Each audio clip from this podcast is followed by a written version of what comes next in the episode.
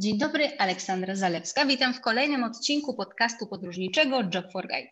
Moim dzisiejszym gościem jest Liz, która zaraz więcej o sobie opowie, ale najpierw dwa słowa wstępu. Podcast, którego słuchacie, został zrealizowany dla portalu Job for Guide z myślą o wszystkich tych, którzy tak jak my kochają podróże. Platforma Job for Guide łączy specjalistów z branży turystycznej, biura podróży z kadrami turystyki, ale także podróżników i turystów z niezwykłymi przewodnikami z całego świata. Jednym z takich pilotów, przewodników jest właśnie mój dzisiejszy gość, który teraz więcej o sobie opowie. Cześć. Boże, ja się w ogóle cieszę, że w ogóle mogę rozmawiać o turystyce. Ostatni rok to był po prostu katastrofa. Nie robiłam powiedzmy prawie nic, ale jeśli mogę powiedzieć o turystyce, to po prostu jestem szczęśliwa.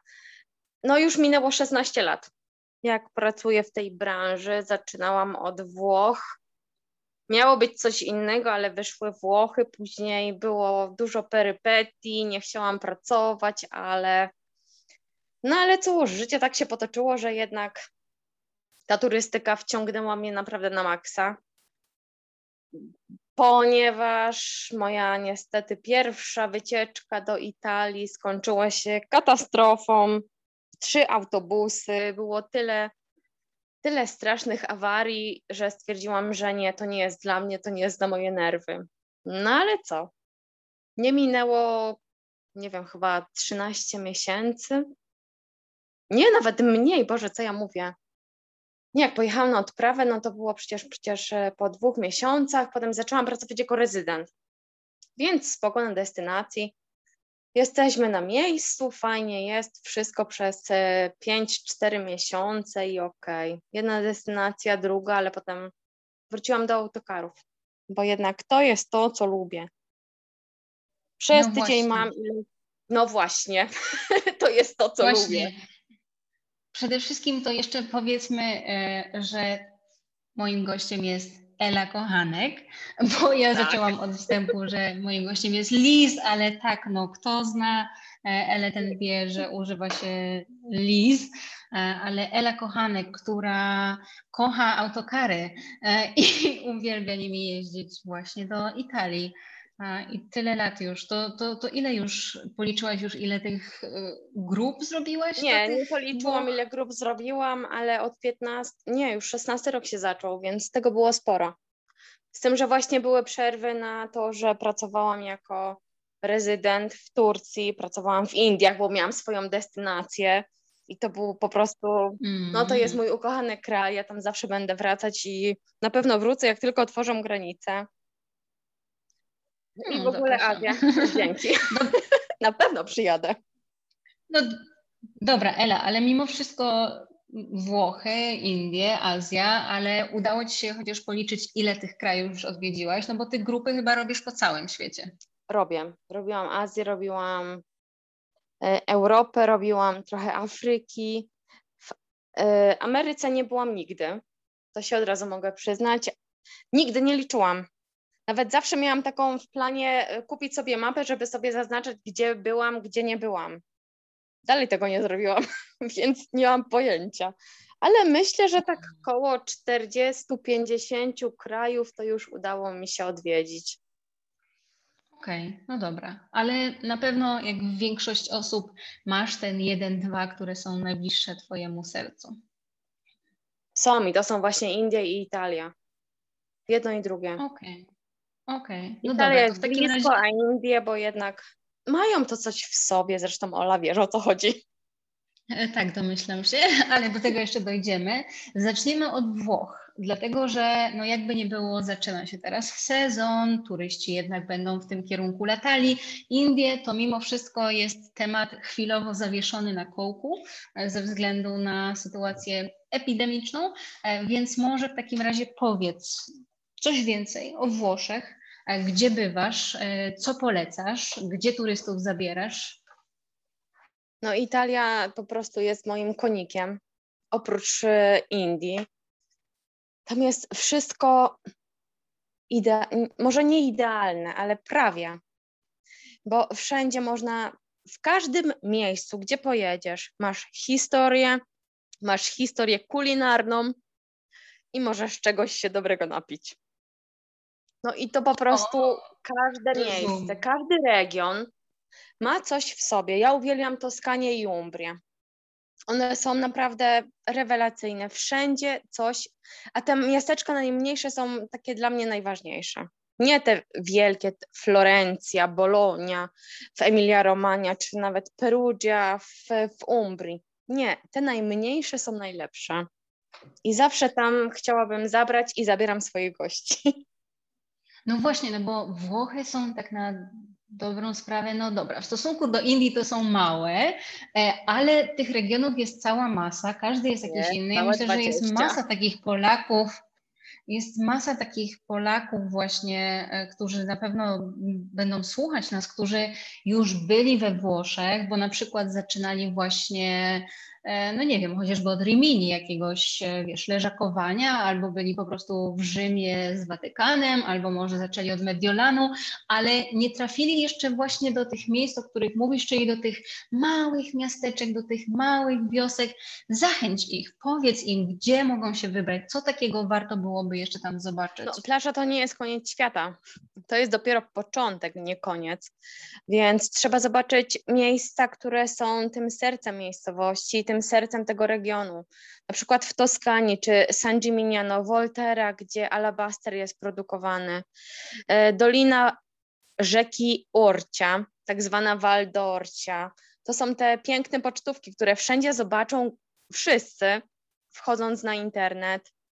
Czy na, na przykład w Umbrii Asyż. Asyż każdy zna, bo to jest e, pierwsze miejsce, gdzie każda pielgrzymka pojedzie, ale jest przecież jeszcze Perugia, jest e, wiele jeszcze innych miejsc, mniejszych. I te mniejsze miejsca robią największe wrażenie, bo tam życie toczy się zupełnie inaczej. To nie jest takie, że ja tu teraz jestem 5 minut, tam 20, tu godzinę, tam półtorej. Nie, tam życie toczy się po prostu swoim tempem i nikt się nie spieszy. Każdy ma swój czas na, na wszystko. Tam wszystko zrobisz, jak oni mówią, in tempo, w czasie.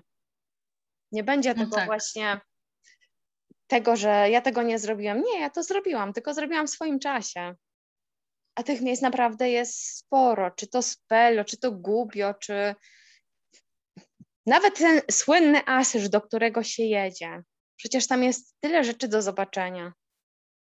Ale te najmniejsze miejscowości są naprawdę Mega to są miejsca, gdzie trzeba pojechać, zobaczyć nie te słynne miasta, Mediolan, Milano, Roma, czy Florencja, czy Wenecja, ale są też mniejsze perełki, o których wielu ludzi nie wie, nie pamięta, może słyszało, ale, ale to może jest inna wycieczka. Może no dobra, ale ale właśnie, czy nie uważasz, że to jest trochę wina biur podróży jednak, e, które organizują te wyjazdy, no jednak robią to z myślą o kliencie takim e, grupowym, takim, takim turyście, tak. który jednak chce jechać, zrobić te zdjęcia w tym Watykanie, e, przy Koloseum, na placu Duomo i tak dalej. No, no wiesz, to są takie błędy jakby od początku gdzieś tam organizacyjne chyba, że niektórzy pomijają te, te małe miejsca, czy, czy nie? No nie? Czy uważasz, że jednak... Nie, nie, nie, nie. Zgadzam się z zupełnością z Tobą, z tym, że takie wycieczki, no jeśli mówimy o cenie, no to będą troszeczkę wyższe, bo każdy robi wycieczkę na swoją, prawda, cenę robi tak, żeby zobaczyć jak najwięcej w najmniejszym koszcie. No jednak nie o to chodzi ale żeby zobaczyć, naprawdę trzeba troszeczkę zboczyć z drogi, a te standardowe wycieczki, które oferują biura podróży, one tego nie zapewnią, bo nikt nie zjedzie do na przykład e, San Quirico d'Orcia, czy do Bagno Vignoni, czy do Montalcino. Okej, okay, może jakaś wycieczka zahaczy, ale to jest takie 5-10 minut po to, żeby przejść przez miasteczko i tyle. To jest no malutko. Właśnie. Jak się przejdzie nie przez takie tego klimatu. Nie Dokładnie. poczuje się tego klimatu, a w tym Montalcino to nie tylko, że to jest, że jest castello, czyli tam jest zamek, jest historia, ale tam robią jedno z najlepszych win na świecie, Brunello. No myślę, że wino to, Wino zawsze zachęci jednak turystów, żeby zajrzeć, ale no tak, no we Włoszech mamy go przecież pełno wszędzie. Bo do Włoszech się jedzie po to, żeby jeść i pić i zwiedzać. No, tak. Tak, no myślę, że co do tego nie ma wątpliwości i też chyba działa to w ten sposób, że, że te nowe destynacje są odkrywane we Włoszech w taki mm, indywidualny teraz sposób. internetowy sposób. Tak.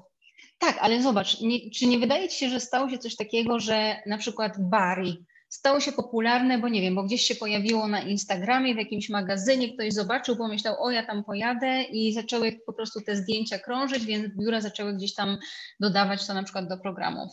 E, owszem, e, tak, stało się, ale może na przykład nie tylko Bari w Apuli, bo na przykład jest przecież samo Polignano, malutka miejscowość, ale ma tak piękną starówkę, biała, jakbyśmy pojechali do Grecji i zobaczyli Santorini, bez tych niebieskich elementów. Ale okay. Polignano jest przepiękne. Ostuni po prostu jest e, opruszony jakby śniegiem, jest białe. Okej. Okay. No naprawdę Czyli... jest wiele miejscowości na południu, które można zobaczyć po prostu i się zakochać. Jesteśmy pewni jednej rzeczy. Nie da się Włoch zwiedzić na raz, nawet jeśli spędzimy tam nawet te dwa bite tygodnie. Nie, nie. Dokładnie. No więc dobra, jeżeli ktoś się wybiera pierwszy raz, to co byś poleciła, od czego zacząć, żeby, no żeby tak się zakochać w tych Włoszech, tak jak ty, żeby mieć jednak poczucie, że chcę tam wracać, chcę je poznawać, chcę je eksplorować e, i jeszcze znajdę tam w ogóle wszystko dla siebie, dla rodziny, no nie wiem, wiesz jak to jest, jednak wakacje, ludzie są obciążeni tym, że są dzieci, trzeba je zabrać, zapewnić im atrakcje. Nie, to tu musimy się jednak odnieść do tych dużych miast, do tych miejsc, do tych ośrodków turystycznych. Nie mówię o Rzymie, nie mówię o Florencji, ale na przykład taka Wenecja, czy Pisa, czy chociażby właśnie to Bari, o którym wspominałaś, e, czy nawet e, na Sycylii każda miejscowość, każda inna zawsze jest tym punktem, do którego chcemy wracać. Bo zobaczenie jej w jeden dzień to, to jest nic. My nie zobaczymy, że tak powiem, nawet połowę. Ja na każde miejsce przynajmniej bym przeznaczyła dwa dni. Ale to mówimy o małych miejscowościach, nie mówię o tych dużych, o na przykład mm -hmm. o, mhm. o Asyżu czy o Perugii, bo tam trzeba troszeczkę więcej niby mała miejscowość, ale naprawdę jest dużo do zobaczenia. Żeby naprawdę poznać kraj, trzeba podróżować i trzeba poświęcić sporo czasu. No tak, ale to też jest kwestia, że trzeba mieć raczej nie tyle dobry przewodnik, co dobrego przewodnika, bo wydaje mi się, że e, najlepszy przewodnik książkowy, e, najlepszy nie, nie wiem, blog podróżniczy Dokładnie, no nie da ci tego, co da ci taki przewodnik na miejscu, który wie, że u tego e, pana w tej restauracji to masz najlepsze, nie wiem, najlepszą kawę, a tam masz to, a tamto i jeszcze coś innego, a warto zajrzeć za róg, nie? Bo tam jest jakiś sklepik i jeszcze jakiś inny sekret wielki. Warto sobie zabrać przewodnika pilota. Nie tyle lokalnego, bo każdy może pojechać tu i tam, ale żeby ktoś, kto był na miejscu i wszystko ogarnął. Nie tylko te sprawy związane z zakwaterowaniem, ale te rzeczy, które są po drodze. On ci opowie, on ci powie historię, on ci powie ciekawostki, on ci powie wszystko. On ci powie takie rzeczy, o których nawet przewodnik może nawet nie wiedzieć lokalny. No dobra, Liz, ale tutaj wchodzisz na grząski grunt i już Ci mówię dlaczego, bo jak zapewne wiesz i myślę, że każdy w branży albo każdy, kto podróżował, doświadczył tego, że mm, wielu pilotów wycieczek uważa, iż bycie pilotem to nie jest bycie przewodnikiem. E, i oni nie mają obowiązku podawać informacji krajoznawczej gdzieś po drodze, dlatego też to nie jest tak, że każdy, kto się pakuje dzisiaj i jedzie na wycieczkę z biurem do Włoch, to że nawet jeżeli ten pilot był 150 razy w tych Włoszech, to że będzie to wszystko wiedział i będzie chciał to Nie, nie musi tego wiedzieć. To jest tylko w kwestii tego właśnie pilota, czy chce on to wiedzieć, czy nie. Ale przewodnik na miejscu oczywiście, on powie to, co ma powiedzieć, opowie całą historię. Każdy budynek zostanie, powiedzmy, on opisze. Ale jednak pilot, podróżując i mając tą e, właśnie, jak to się mówi po polsku? E, no. no właśnie. Mając to doświadczenie, bo jednak rozmawia się z różnymi ludźmi, ten powie jedno, ten powie drugie, ma się jednak te informacje troszeczkę inne niż lokalny przewodnik. Ja wiem, że ja tam wchodzę na grunt rząski, ale spoko, bo pilot e, lokalny, przewodnik, on powie swoje, oczywiście, ja nie mówię, że nie. Ja tego mogę nie wiedzieć, ale ja na przykład rozmawiając z ludźmi dookoła, nie wiem, z, z panem, który mi sprzeda kawę, z panem z tego baru albo z kimś innym, co mi sprzeda rogalika. On mi powie coś z życia swojego. On mi powie coś ze swojej historii, więc ja to mogę jak najbardziej wykorzystać. No, tego nie będzie miał przewodnik, tak? Więc to mhm. są takie, powiedzmy, informacje z życia wzięte, które naprawdę, które no, ubarwiają bardzo życie takiego turysty. No właśnie, Bo i tu jest też kwestia kolejna. Mhm.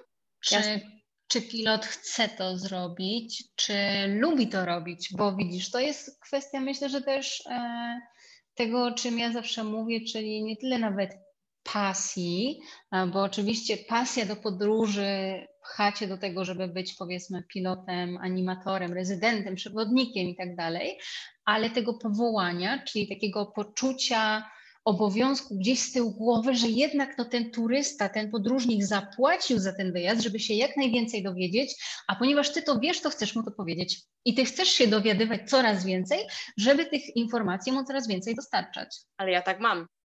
Ja tak mam, że to, że to, że co już wiem, no to ja już wiem, ale cały czas ja mam właśnie ten, ten moment, że mam, że czuję ten brak informacji i cały czas bym chciała wiedzieć coś więcej i cały czas coś szukam, czy na internecie, czy w książkach. To nie jest tak, że ja siedzę po prostu na tyłku w domu, powiedzmy brzydko, ale ja cały czas szukam tych informacji, które mi pomogą, które powiedzmy tą grupę mogą zadowolić, która będzie się czuła lepiej, która będzie miała więcej informacji. Bo jednak robienie czegoś w jednym kierunku i cały czas mówiąc o tym samym, no ja myślę, że to mnie uwstecznia. No na pewno. Mi się od razu ja przypomina, czekaj, mi się od razu przypomina e, i tu no. się muszę powołać, drodzy słuchacze, na historię, która łączy mnie i Liz, kiedy się spotkałyśmy w Kambodży w Siem Reap. Jak poszłyśmy do lokalnej restauracji, nie, nie, spokojnie Liz, poszłyśmy do lokalnej restauracji i dostałyśmy menu razem z tymi naszymi znajomymi kambodżańskimi, a Liz mówi, weźcie to menu, weźcie to menu, ja chcę to kambodżańskie menu, dajcie no. mi te muszle, ja chcę te muszle. To jest właśnie na tej zasadzie, no nie każdy wie, że jest jeszcze jakieś menu kambodżańskie i że coś jeszcze pod stołem serwują. No, ale to były te straszne muszle, o których ja... nie chciał wiedzieć. No, ale wiesz co, no myślę, że jest ale wielu takich turystów, którzy chcieliby spróbować właśnie tych muszli, ja myślę, które... Właśnie takich osób, które chcą spróbować lokalnej kuchni. No nie tylko do a nie takiej turystycznej. Dokładnie, dokładnie. Tak, Dlatego dokładnie. wiesz. Dlatego nie drodzy słuchacze. No właśnie, nie pizza. Pamiętajcie nie o tym. Mm, tylko coś innego. A tam no dobra, w tej no. Kambodży było właśnie to. No dobra, no ale to wróćmy jeszcze z Kambodży na chwilę do, do Włoch jednak, bo myślę, że tutaj w kwestii jedzenia i picia, e, bo zwiedzania, no to ojejku, no myślę, że e, chyba zwiedzania to nie zabrakłoby nikomu na lata, e, ale no właśnie, jednak Polak, kiedy się wybiera na urlop, no to mm, wiadomo, że chce dostać jakiś tam zakres informacji, ale właśnie bardziej go pewnie interesuje te kontakty z ludźmi, co może sobie kupić, zjeść, napić się, zabrać do domu. E, no to oprócz oczywiście, nie wiem, oliwek, oliwy i sera, co takiego byś Lis poleciła, że z danego regionu warto spróbować? Ja, wszystko. Wszystko jest dobre. Italia jest po prostu miejscem, gdzie nawet makarony można przywozić. No ale pierwsze co, to właśnie to złoto włoskie, czyli aceto balsamico, ocet balsamiczny, di Modena, z Modeny. Tak po prostu, tylko żeby on był właśnie ten prawdziwy, bo nie zawsze natrafimy na taki, który jest A ten. skąd wiemy, prawdziwy. czy on jest prawdziwy? On musi mieć odpowiedź. Specjalnie dla tego octu została skonstruowana butelka. Ona jest taka, powiedzmy, krępa, taka okrągła. Ona ma około 100 ml, nie więcej.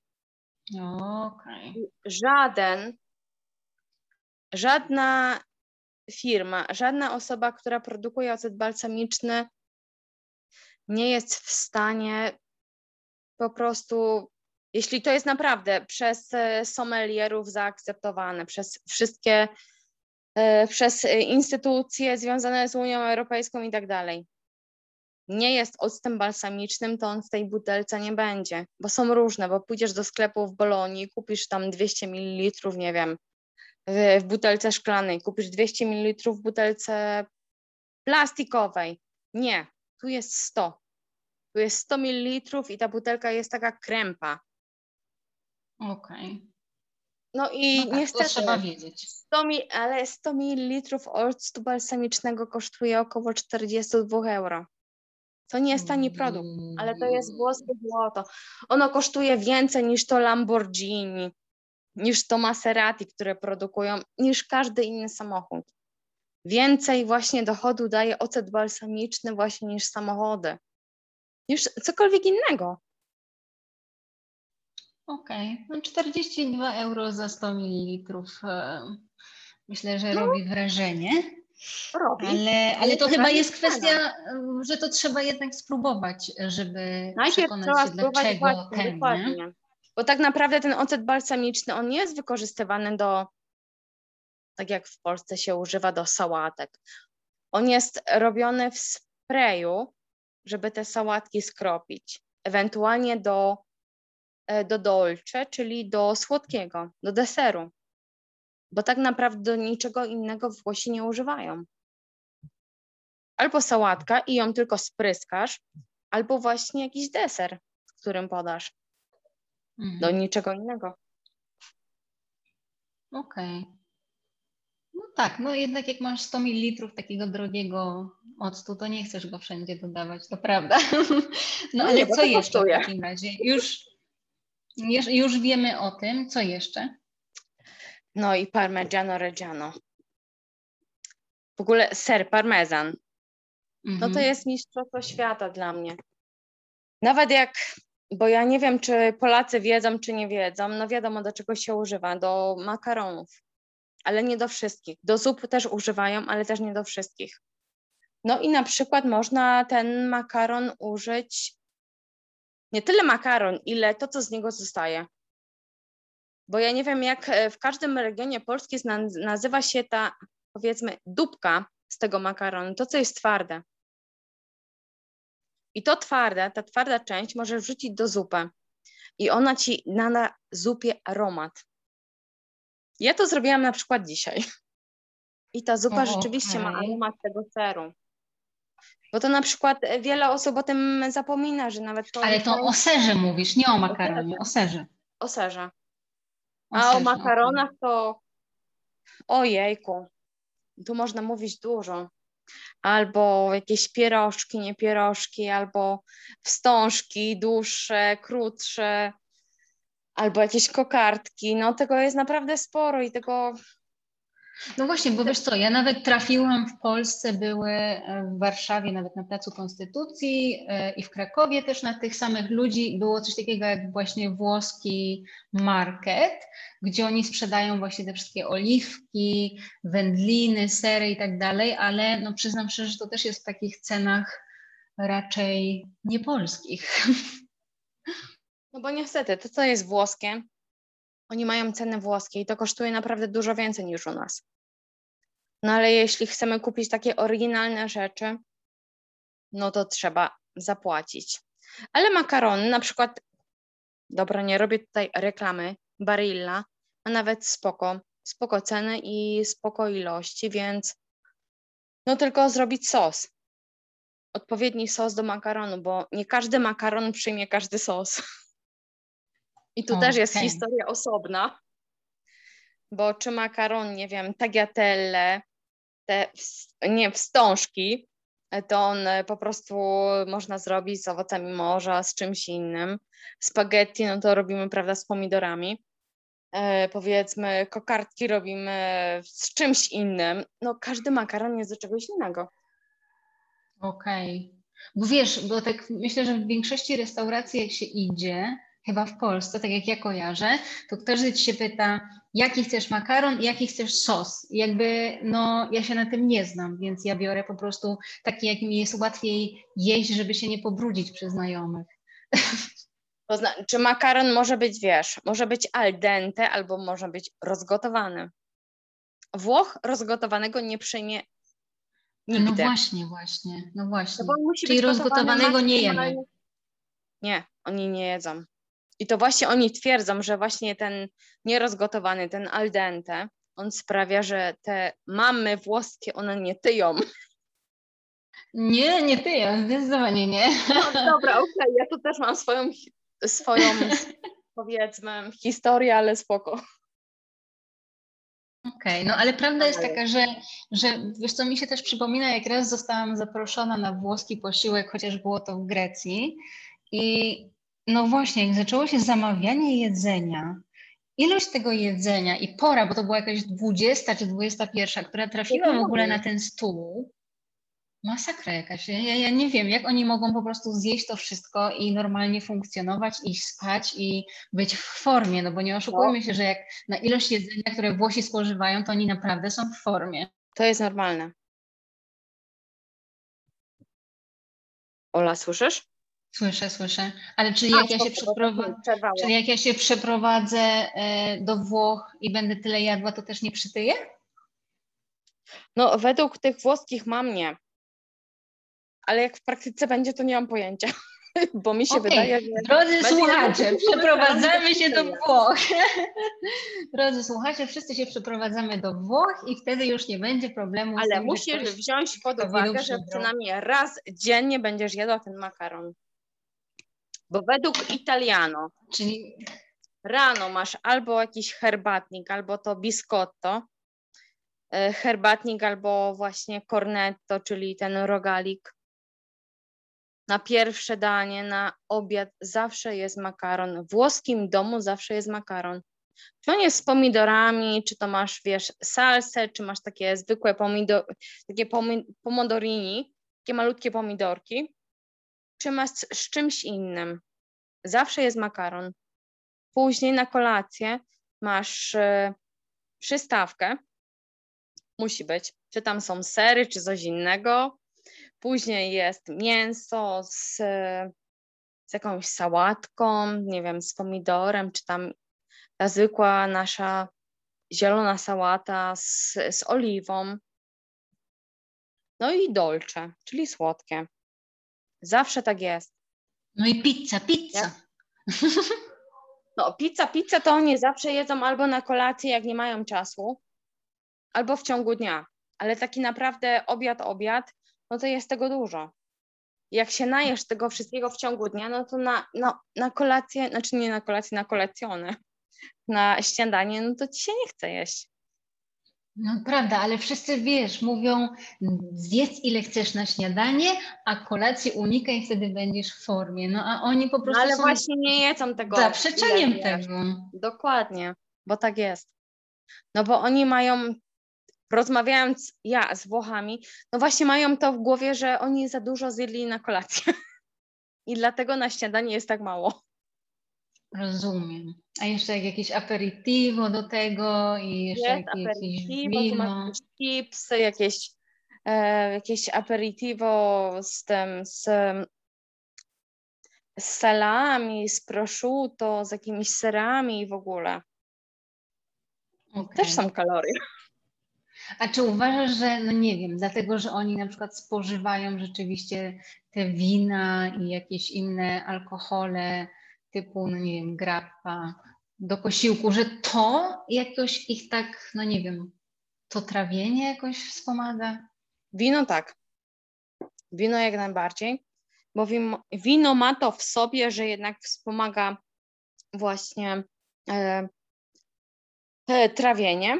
Natomiast grappa, grappa tak naprawdę jest e, tym alkoholem mocnym, który jest na północy Włoch, bo na południu tego nie mają. I to w mhm. ogóle wyszło przez przypadek, że ona powstała i tak naprawdę podają ją na koniec posiłku, na, na koniec kolacji. Żeby właśnie czyli widzisz, No właśnie, czyli jednak na trawienie ona jest. A w takim razie limoncello się kiedy używa? Limoncello piją przed, ponieważ ono sprawia, że tobie chce się jeść. Rozumiem. To co jeszcze tak, to, to, to, to dobra, no to teraz uwaga, wszyscy słuchacze, e, musicie zacząć posiłek od limoncello. Limoncello, e, w trakcie dobra, posiłku limoncello. wino. Jeszcze może być... W trakcie posiłku wino i po posiłku grappa. Czy tak, jeszcze coś jeszcze w międzyczasie można napić się spritza, czyli ten alkohol, który jest robiony z pomarańczu, a nie z gorzki. Do tego dodaje się wino spumante, czyli musowane z, z pomarańczą. E, możesz się napić e, w ogóle wina musującego, bo wino musujące sprawia, że tobie się chce jeść, że masz apetyt. I oni zawsze to podają przed. A później są takie alkohole na koniec, takie spokojne.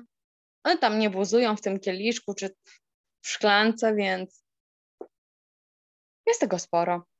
Rozumiem. Czyli po prostu jest naprawdę mnóstwo. No tak, czy jednak na trawienie trzeba po prostu sobie kielonek na koniec, ale Dokładnie. to już dobra. Y, oczywiście dla wszystkich 18 plus. Oczywiście. E, podkreślamy to. Oczywiście. E, no dobra, no to, to, to fajnie, ale to też jest chyba tak, że pewne regiony, mm, no bo na pewno Polacy atakują Włochy w sezonie letnim, e, no bo to jest ten okres wakacyjny, ale tak z Twojego doświadczenia, no na pewno Włochy no co, one są na cały rok, e, gdzie się nie, wybrać, e, nie. czego unikać w jakimś okresie? No, wszędzie jest gorąco, ale są regiony, które na przykład w miesiącach powiedzmy późnych, wrzesień, październik, listopad jest więcej deszczu i to są te regiony północne. Ale na przykład, no zdarza się, na, że na przykład nawet w Rzymie pada we wrześniu. Jest ciepło, jest 30 stopni, ale może padać. Na południu powiedzmy jest ok, bo tam też zdarza się naprawdę bardzo rzadko, ale nigdy nie wiadomo.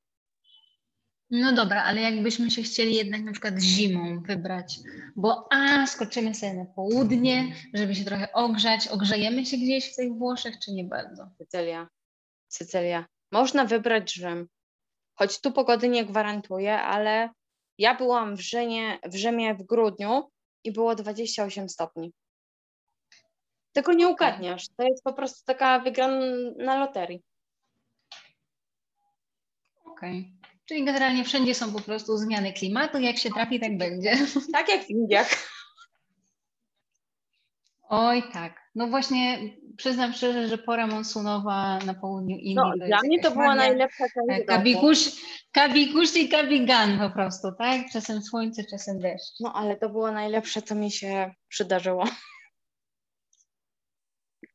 No, ale to jest właśnie coś takiego, nie wiem, czy się tutaj ze mną zgodzisz, że jak ktoś pyta właśnie o sezonowość Indii, to ja mam zawsze takie chwile zastanowienia i stwierdzam, że w sumie nie ma chyba czegoś takiego, bo nawet jak jest pora monsunowa, jest to, to też nie jest tak, że to się leje cały czas, nie? Bo na przykład Ale ostatnie Ola, trzy dni są do sklepu, piękne. Sorry, przerwę. Jedziesz do sklepu na skuterku, do sklepu obok, i te wszystkie te kobiety, które są na tych, na tych motorkach, one są ubrane w takie kolorowe sari. Jest tak kolorowo i potem jeszcze jak ten deszcz normalnie zleci, jest zielono, wszystkie odcienie zieleni. To jest po prostu niesamowite. No. Dla mnie to jest po prostu to, co jest najlepsze w Indiach, naprawdę. Jest tak różnorodnie, jest tak kolorowo i tego nie można porównać z niczym innym. Jest cudownie. To prawda, że nawet doświadczenie zimy w Indiach, bo myślę, że na przykład moją grupę jedną zaskoczyło jednak, e, jak przylecieli w styczniu na północ, że jest zimno, że w hotelach nie ma no, ogrzewania.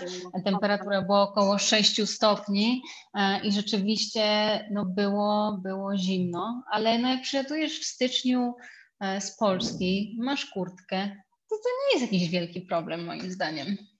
Nie, ja pamiętam jak ja byłam e, tym destination manager na właśnie na Goa, tam te 500 czy 600 kilometrów od Mumbaiu, no to właśnie było coś takiego, że w Polsce było minus 28, a tutaj e, w Indiach właśnie było 29, 33 stopnie. Chryste, to było po prostu niesamowite. To jest no 60 właśnie, no stopni ponad różnica. Jako destination manager na Goa e, myślę, że na pewno mogłabyś tutaj podpowiedzieć naszym e, słuchaczom e, w kwestii Indii, no bo każdy tak zawsze przylatuje do Indii z takim poczuciem, chcę zobaczyć Taj Mahal, muszę zobaczyć Taj Mahal, no to jak chcesz zobaczyć Taj Mahal, no to musisz wylądować w Delhi siłą rzeczy, więc zwiedzasz Delhi, zwiedzasz Taj Mahal, jedziesz do, do Jaipuru, a tu na południu jest przecież tyle różnych rzeczy i jeszcze możesz sobie wypocząć na Goa, zwiedzić to Goa. Jezu, ja widziałam północ, ja widziałam Taj Mahal, ja widziałam Czerwony Fort, ale południe skradło moje serce.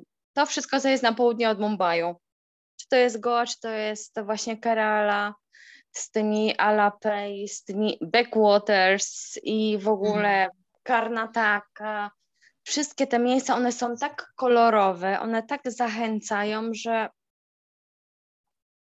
naprawdę to jest po prostu tak piękne miejsce, że jakby mogła nawet przylecieć dzisiaj, to bym przyleciała. Bo one są piękne. No I co właśnie. z tego, historia była tam, nie wiem, bo może ludzie się mogą burzyć o to, że tam były historie religijne.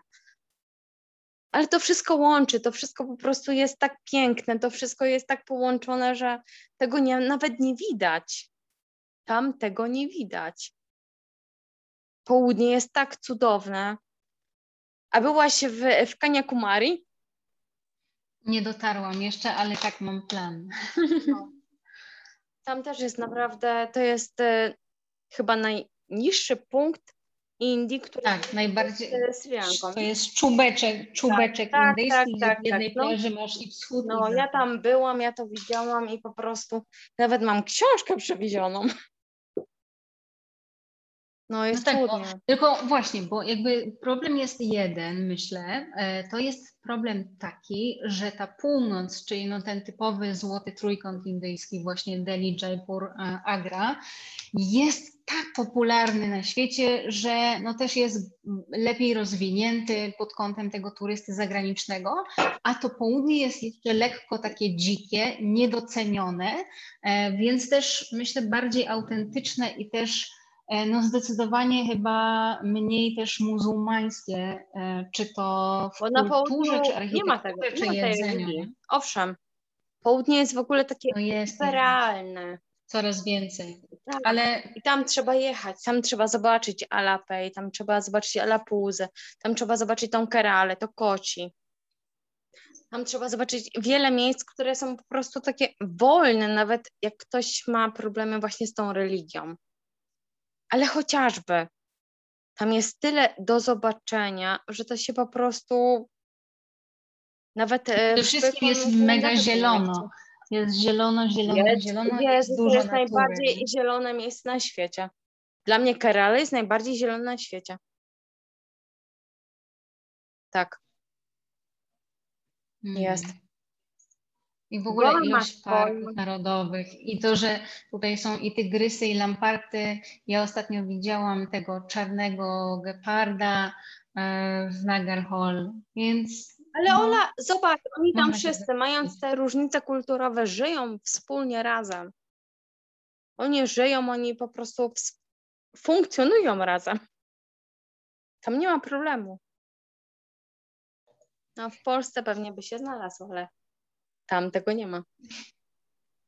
No. No, są różne małe lokalne, ale w to nie wchodzimy. Myślę, że z punktu Dobra, widzenia. To nie, nie, nie ma problemu. Czy, czy podróżnika, który przyjeżdża i zwiedza i e, odwiedza te, te, te różne miejsca, to na pewno się tego nie odczuje i też nie ma takiej, no właśnie, nie wchodzi się raczej bardzo w te tematy polityczne. Tak mi się wydaje. No, E, Ale no tak, zdecydowanie, zdecydowanie polecamy e, południe Indii do e, odwiedzenia. Ale Liz, chciałabym przejść do tej części zakulisowej Twojej pracy, Okej. jeśli pozwolisz. Jesteś gotowa na to? Jestem, jestem. Czyli gdybyś rzuciła jakieś przykłady, bo zawsze o to pytam, e, bo chcę pokazywać właśnie, jak wygląda realnie praca e, w branży turystycznej. I to nie mówię tylko o pilotach wycieczek, ale w ogóle, no bo każdy z nas ma doświadczenia rezydenta, animatora i różnych innych dziwnych rzeczy. E, Najdziwniejsze, najtrudniejsze, najśmieszniejsze, najstraszniejsze zdarzenia z Twojej kariery. Najdziwniejszych, no były różne rzeczy, ale na przykład dla mnie te najdziwniejsze, najstraszniejsze są najlepsze. Bo ja wtedy na przykład mam coś takiego, że ja wtedy jestem spokojna, ja wtedy zachowuję spokój. Bo niekiedy można się zdenerwować, o, stało się to, to i to i po prostu masz, nie wiem, tam naładowaną energię i tak dalej. Nie. Dla mnie to akurat działa w ten sposób, Dobra, że... ale dawaj mi jakiś przykład. Co ci się zdarzyło takiego na wycieczce? Boże, śmierć. No, stała się. Okej. No, była śmierć, było no niezbyt przyjemne zdarzenie, ale no ale trzeba było ogarnąć wszystko i w ogóle no dobra, nie będę opowiadała o wszystkim, ale bo to nie było zbyt piękne powiedzmy zdarzenie, ale no ale było okej. No to ogarnęłam i nie wiem, dla mnie im bardziej stresująca sytuacja jest do ogarnięcia. Bo jak jest bardziej stresujące, to na przykład ja się nie stresuję. Dla mnie to No jest takie. tak, ale wiesz, to trzeba też wiedzieć, co robić, tak? Bo jednak nikt by sobie nie życzył tego, żeby mieć śmierć albo jakiś bardzo ciężki wypadek, ale ostatecznie musisz wiedzieć, jakie są procedury, tak? Ale to wiem. Ja wiem, że muszę zadzwonić tam, tam czy siam i tak okej. Dobra, spoko, to jest do ogarnięcia. To jest takie najbardziej stresujące. Jeśli chodzi o takie, powiedzmy, śmieszne, no to nawet e, taka sytuacja z mojego życia, po prostu z mojego. Bo jak zaczęłam robić pierwszą wycieczkę, moją pierwszą, taką pierwszą, powiedziałam, że nigdy więcej. Jezus Mariam, trzy razy mi się autobus zepsuł i powiedziałam, że nigdy więcej w to nie wejdę. No, nie minęło sześć miesięcy. No dobra, no ale no właśnie, zepsuł ci się ten autobus i co? I po prostu ludzie ci wsiedli na głowę. Wsiedli. Wsiedli na głowę naprawdę strasznie, ale to było do ogarnięcia, bo podstawili mi nowy ludzi, jakoś ogarnęłam, coś im tam zorganizowałam innego. Może nie zobaczyli wszystkiego, co powinni zobaczyć w programie, ale starałam się, y, starałam się pokazać im jak najwięcej. Nie Mhm. chciałam im tego ograniczyć. Chciałam im to wynagrodzić. Nawet to, co było, kurczę, nie wiem, za to trzeba było pojechać, a oni nie musieli płacić, ale no coś trzeba było zrobić. Okej, a jakaś śmieszna sytuacja? Oprócz zepsutego autobusu, która mogłaby być mało śmieszna dla większości osób, ale jednak jakaś taka śmieszna. Może ktoś coś powiedział, zrobił, albo ty coś zrobiłaś. No ja nie, ale była taka dziwna. Dobra, może lepiej o tym nie. Nie, wolę o tym nie mówić, bo może ktoś Śmiało. słyszy. Jak już zaczęłaś, to już teraz skończ. Bez podawania nazwisk. Bez podawania nazwisk. No, śmiało. Nie, ale to było straszne. No bo to było związane z, ze sprawami kobiecymi. Okej, rozumiem. No dobrze, to w sprawy kobiece nie wchodźmy w takim razie. No to może właśnie odpuśćmy. Ale myśl, Ale myślę, że każdemu się zdarzają takie sytuacje, że na przykład jest jakiś jest dziwny normalne. przewodnik lokalny, tak, tak. albo że się trafia jakiś klient taki nie do końca stabilny psychicznie. tak. No, to na pewno. Dobra, jakbyś chciała śmieszny, no to ci mogę powiedzieć, że w Turcji miałam przypadek, że któryś z turystów klepnął w pupę jakąś y, tą panią y, obsługującą. No i się zaczęło. No i ona zadzwoniła na policję. Ten, ten, ten pan zadzwonił na policję, bo też mu się to nie podobało, że ona go pozwała. I w ogóle się taka sytuacja dziwna zrobiła. No to było śmieszne, bo on nic. No bo to nie było takie. Bo on się z nią znał. A... Dobra, już nie wchodźmy w to. Rozumiem. Jakieś prywatne no, dokładnie, ale to było pojawiły. Jakieś takie... No. Okay. No dobrze, to, to, to w takim razie e, moim kolejnym pytaniem miało być pytanie, czy uważasz, że ta praca ma przyszłość, ale myślę, że już chyba z kontekstu ale Twojej oczywiście. wypowiedzi to wyniknęło. Ale kto ma prowadzić tych, e, tych turystów? My. Trzeba Zawsze trzeba mieć takiego kogoś, który zrobi tą wycieczkę. Może nie ja jako ja, ale jakoś, nie wiem, firma, cokolwiek, ktokolwiek. Ale zawsze jest potrzebne, potrzebny jest e, ta forma, ta, ta inicjatywa, żeby to zrobiła. Bo zawsze będzie potrzebna, czy na incentive, czy na cokolwiek. Zawsze. Okej. Okay. No ale to w takim razie, to w takim razie teraz dwa kolejne pytania rozwijające, czyli jak COVID wpłynął na Twoją karierę? No i ewentualnie czy co, czy wyobrażasz sobie życie bez tej turystyki, kim byś była, gdybyś nie pracowała w turystyce? E, COVID wpłynął tak, że otworzyłam swoje biuro, które się pomału roz, rozwija. E, czy coś się zmieniło? No, w sumie robię to, co robiłam i z tego się cieszę, ale robię też dużo rzeczy innych, związanych z turystyką oczywiście. Nie, no bo dla mnie turystyka to jest całe życie. Ja od tego nie odpuszczę, nie? To jest moje, to jest mój konik i tyle. No więc y, ja z turystyką naprawdę dużo, dużo, dużo do zrobienia. No, stało się jak się stało, ale. Ale wierzymy, ale... że wrócimy. Oczywiście.